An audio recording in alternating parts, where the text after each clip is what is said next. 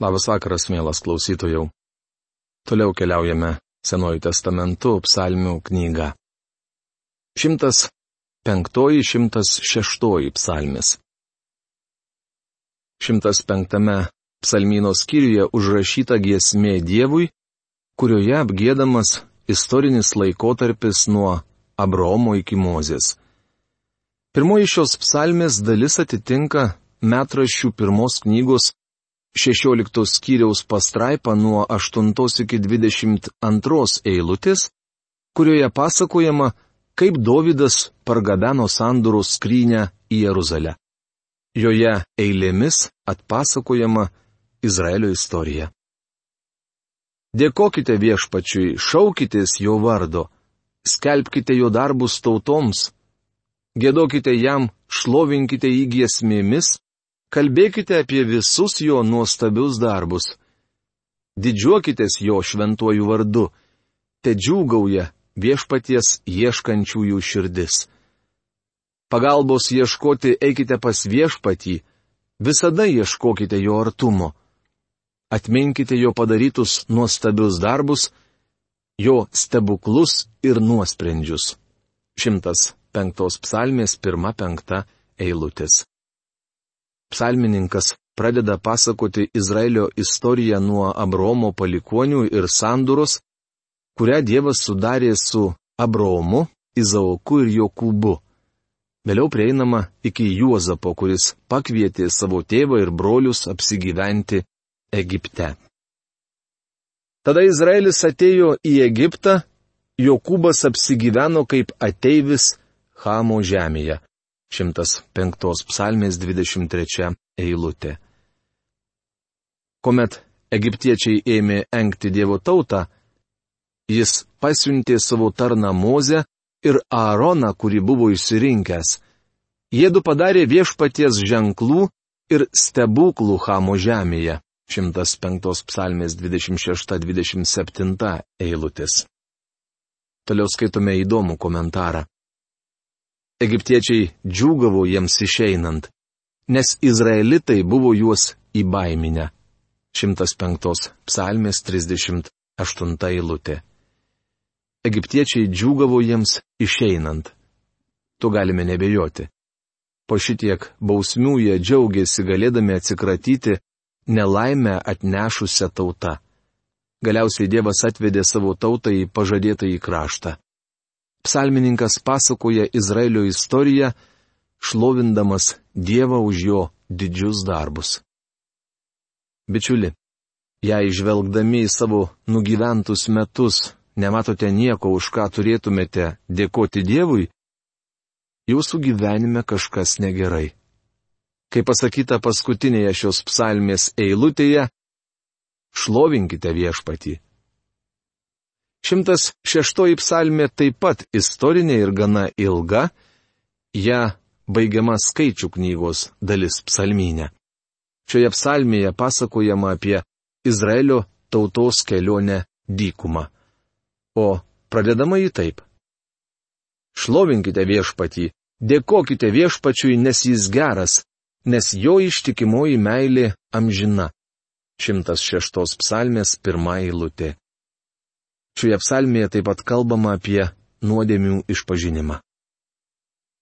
Nusidėjome, mes ir mūsų protėviai, nusikaltome, nedurai elgiamis. 106 psalmės 6 eilutė. Jei esate atsigręžęs į Kristų kaip gelbėtoją ir prašėte jo, kad jis atleistų jūsų nuodėmes, žvelgdami į praėjusias dienas tikrai turėsite už ką jam dėkoti galite dėkoti Dievui už jums suteiktą išgelbėjimą. Šios psalmės iš tikrųjų nuostabios, ar netiesa? 106 psalmino skyriuje kalbama apie Izraelio nuopolį ir Dievo ištikimybę. Pakartoto įstatymo knygos dalis psalmėse. Dievo žodžio tobulumas ir jam skirtos liaupsis. 107, 150 psalmis. 107 psalme pradedama pakartoto įstatymo knygos dalis psalminė. Norėčiau paskaityti jums daktaro Gebeleino komentarą. Penktoji Mozės parašyta knyga pradedama jo apžvelgiamąją kalbą Moabo dykumoje, kurioje įkvėptas Mozė pasakoja, kaip maloningai Dievas elgėsi su savo tauta. Tuo metu Izraelis buvo visai netoli pažadėtojo krašto, į kurį netrukus turėjo įžengti. Psalmėje, kuria pradedama pakartoto įstatymo knygos dalis psalminė, pranašiškai kalbama apie būsimuosius laikus, kai draugien suburtas Izraelis bus vėl pasirengęs įžengti į pažadėtą į kraštą. Jie prisimena senovės įvykius, kaip Dievas vedė juos, kaip su jais elgėsi, kaip juos pažemino, apsaugojo ir išlaikė. Panašių išgyvenimų patyrė visų laikų tikintieji, tad jie taikytini ir mums su jumis. Taigi, 107 psalmė. Tema - Dievas yra geras. Ši psalmė dažnai suprantama klaidingai. Manau, kad net puikūs komentatoriai, vienas iš jų Matthew Genris, apie šią psalmę parašė daug nuostabių pastebėjimų, neatskleidė jos esmės, nes neižvelgė joje pranašiško aspekto. Tikiuosi, tinkamai nagrinėjamos psalmės padeda mums geriau suprasti jų gilę prasme. 107 psalmė tai ilgai klaidžiojusių žydų giesmė, kurią jie gėdojo įžengdami į pažadėtą į kraštą. Bet to įreikšminga ir mums. Ši psalmė visais laikais šventiesiems teikė palaimą. Norėčiau, kad šiai psalmiai būtų parašytas muzikinis akompanimentas. Jis susideda iš keturių posmų ir priegesmio, kuris pakartojamas tris kartus - 8, 21 ir 31 eilutėse. Dievo apvaizda rodo kelią piligrimams. Mano nuomonė šią giesmę tiktų pradėti tenoro solo. Dėkokite viešpačiui, nes jis geras, nes jo ištikimoji meilė amžina. Taip te sako viešpaties atpirktieji, kuriuos jis atpirko iš vargo. 107 psalmės 1-2 eilutės. Mums reikia daugiau taip sakančių krikščionių. Taip, te sako viešpaties atpirktieji Nesiskūskite ir nekritikuokite aplinkinių. Jei esate krikščionis, pasakokite kitiems apie Dievo gerumą. Jis tikrai geras. Tačiau šiandien pasaulyje Dievas neturi gero vardo. Jo reputacija prasta. Priminsiu, jog reputacija yra aplinkinių nuomonė apie kažką. Dievas šiame pasaulyje neturi nei daug draugų, kurie jį gintų. Tik kelis liudytojus galinčius paliudyti jo naudai. Retai kas pasiryšta užtarti jį gerų žodžių. Jei abejojate tuo, ką sakau, apsižvalgykite aplink. Pažiūrėkit, kiek mūsų krašte pagoniškų, stabmeldiškų religijų. Žmonių supratimas apie Dievą siaubingas. Tose religijose Dievas vaizduojamas ne kaip gelbėtojas, bet naikintojas. Prie jo sunku priartėti, Jis nesidomi savo kūriniais ir jų nemyli. Šiandien daugelis žmonių gyvena pasitikėdami išoriniu civilizacijos blizgesiu ir mokslo pasiekimais, o krikščionišką kultūrą naudoja kaip kremą. Retkarčiais pasitepa jie veidą. Tokiems žmonėms Dievas nėra asmuo. Jie nesigilina į jo žodį, stengiasi per arti jo neprisileisti. Dievas nelaikomas gerų kaimynų ir manoma, jog jam įtikti labai sunku.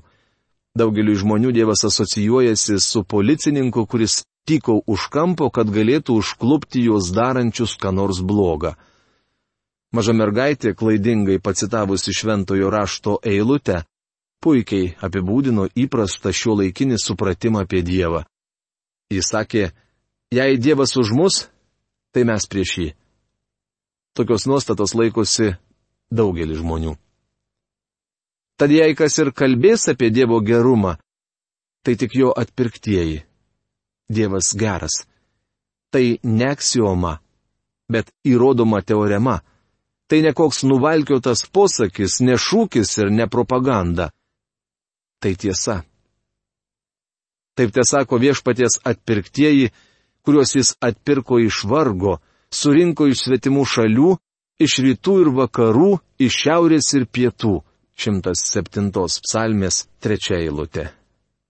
Viešpats renka žmonės iš rytų, vakarų, šiaurės ir pietų. Kas tie žmonės? Čia Dievas kalba apie Izraelį. Vieni klajojo dykumoje ir tyruose, bet miesto, kuriame galėtų įsikurti, nerado.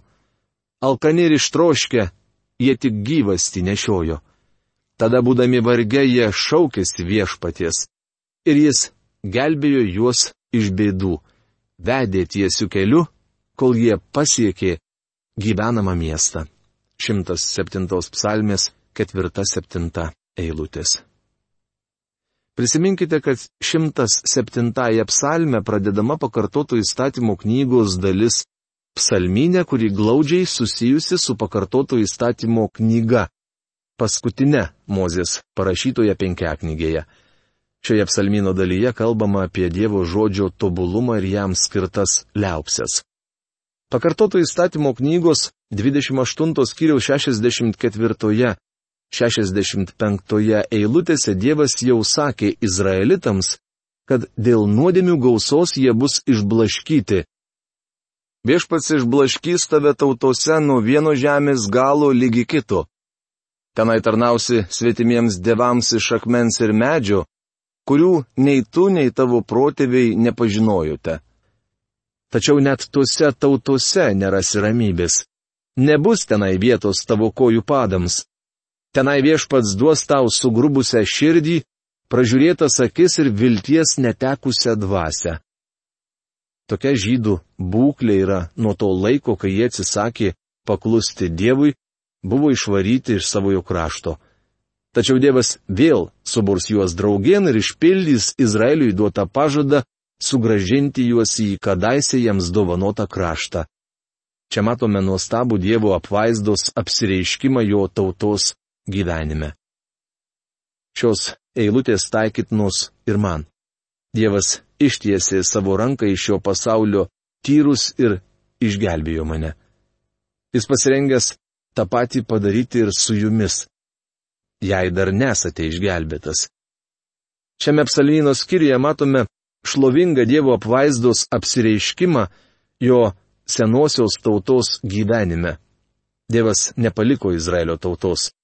Iš tikrųjų jis dar nebaigė savo darbo ir mumise. Šioje dalyje užrašyta žinia mums.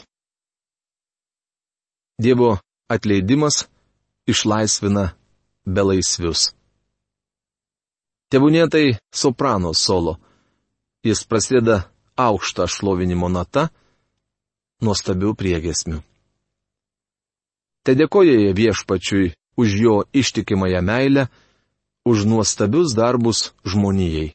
107 psalmės 8 eilutė. Priegesmis pasigirsta ne šios dalies pabaigoje, bet pačioje jos pradžioje. Toliau skaitydami šią psalmę, pastebėsime, jog Dievas išlaisvina belaisvius, taip pat pamatysime, kokias kančias patiria kaliniai. Čia prašomas Izraelis būsimąją negandos dieną didžiojo suspaudimo metu. Tadien, jei kuris izraelitas bus įkalintas, Dievas išlaisvins jį ir sugražins į pažadėtą į kraštą. Tik pagalvokit, kiek žydų antrojo pasaulinio karo metu atsidūrė Vokietijos kalėjimuose. Jiems taip ir nepavyko iš ten ištrūkti. Įdomu, kiek iš jų tuomet mąstė apie tai, kas parašyta šioje psalmėje. Kiti sėdėjo niūrioje tamsoje, belaisviai skurde ir grandinėse. 107 psalmės 10 eilutė. Čia aprašoma beviltiška belaisvių padėtis. Išvedė juos iš niuriosios tamsos ir sutraukė jų pančius. Te dėkoja jie viešpačiui už jo ištikimąją meilę, už nuostabius darbus žmonijai, nes jis pralaužia vario vartus ir sunaikina geležies velkes. 107 psalmės 14-16 eilutės.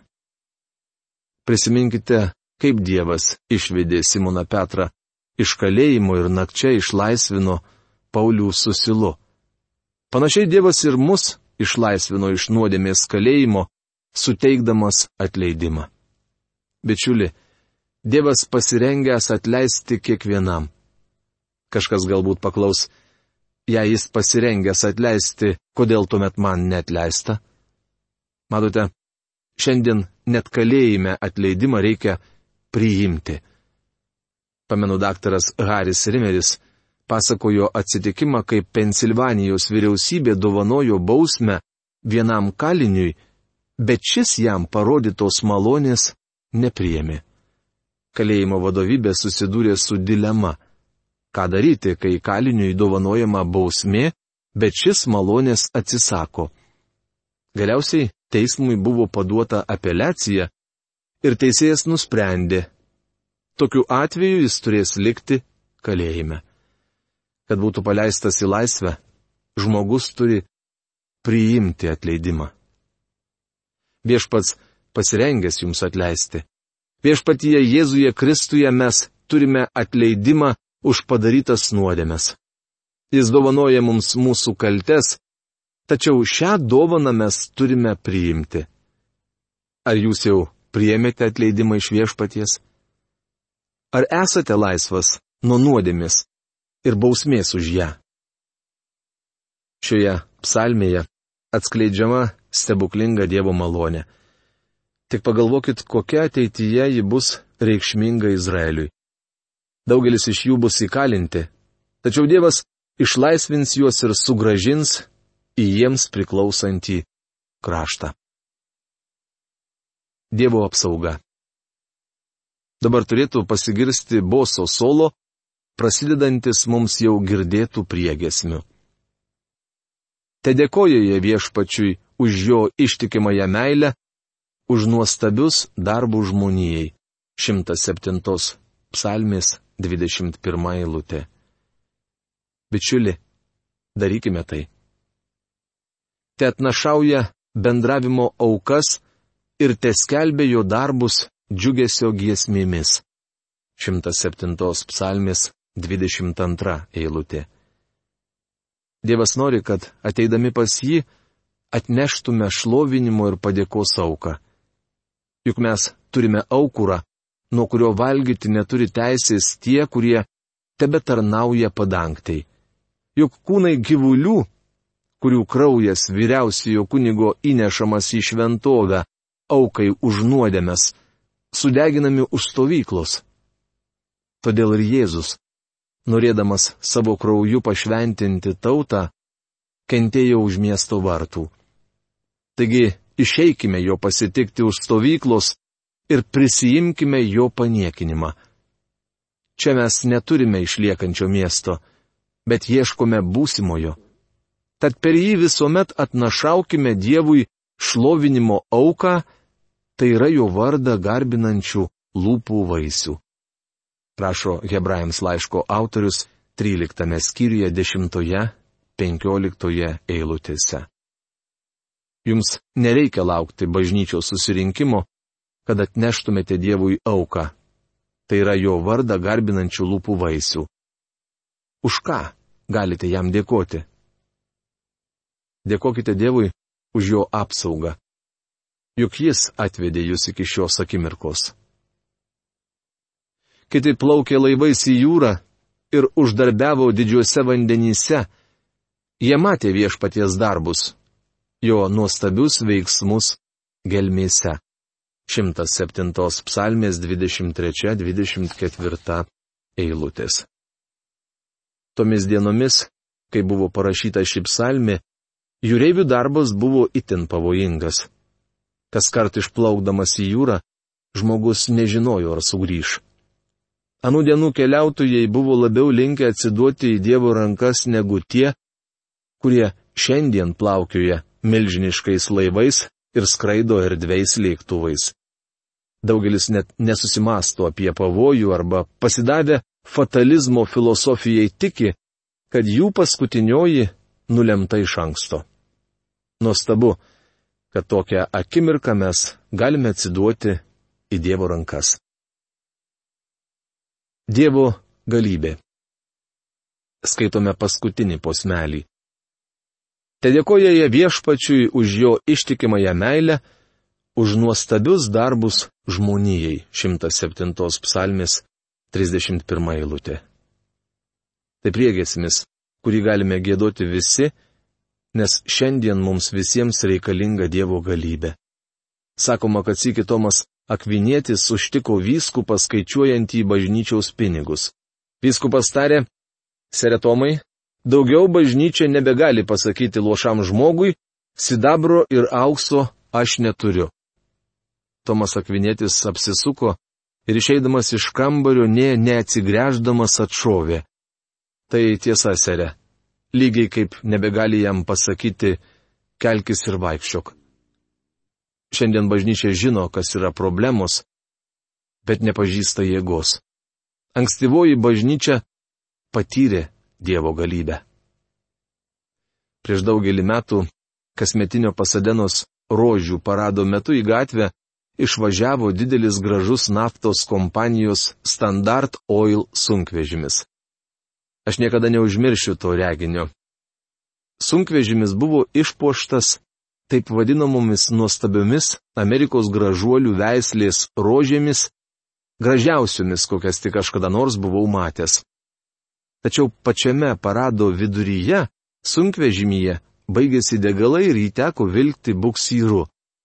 Visi leipo iš juoko, mat kam jau kam, o naftos kompanijai tikrai neturėtų pristikti degalų.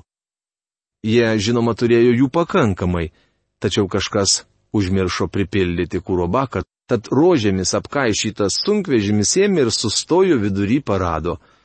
Matant tą varganą sunkvežimį ir girdint aplinkinių juoką, man pasidarė liūdna, nes reginys priminė nūdienos bažnyčią mes dailiname ir moderniname bažnyčios pastatus, tobuliname programas, rūpinamės tarnavimu ir informacijos skleidimu, bet neturime galios, kuri būtina ne tik bažnyčiai, bet ir kiekvienam tikinčiajam.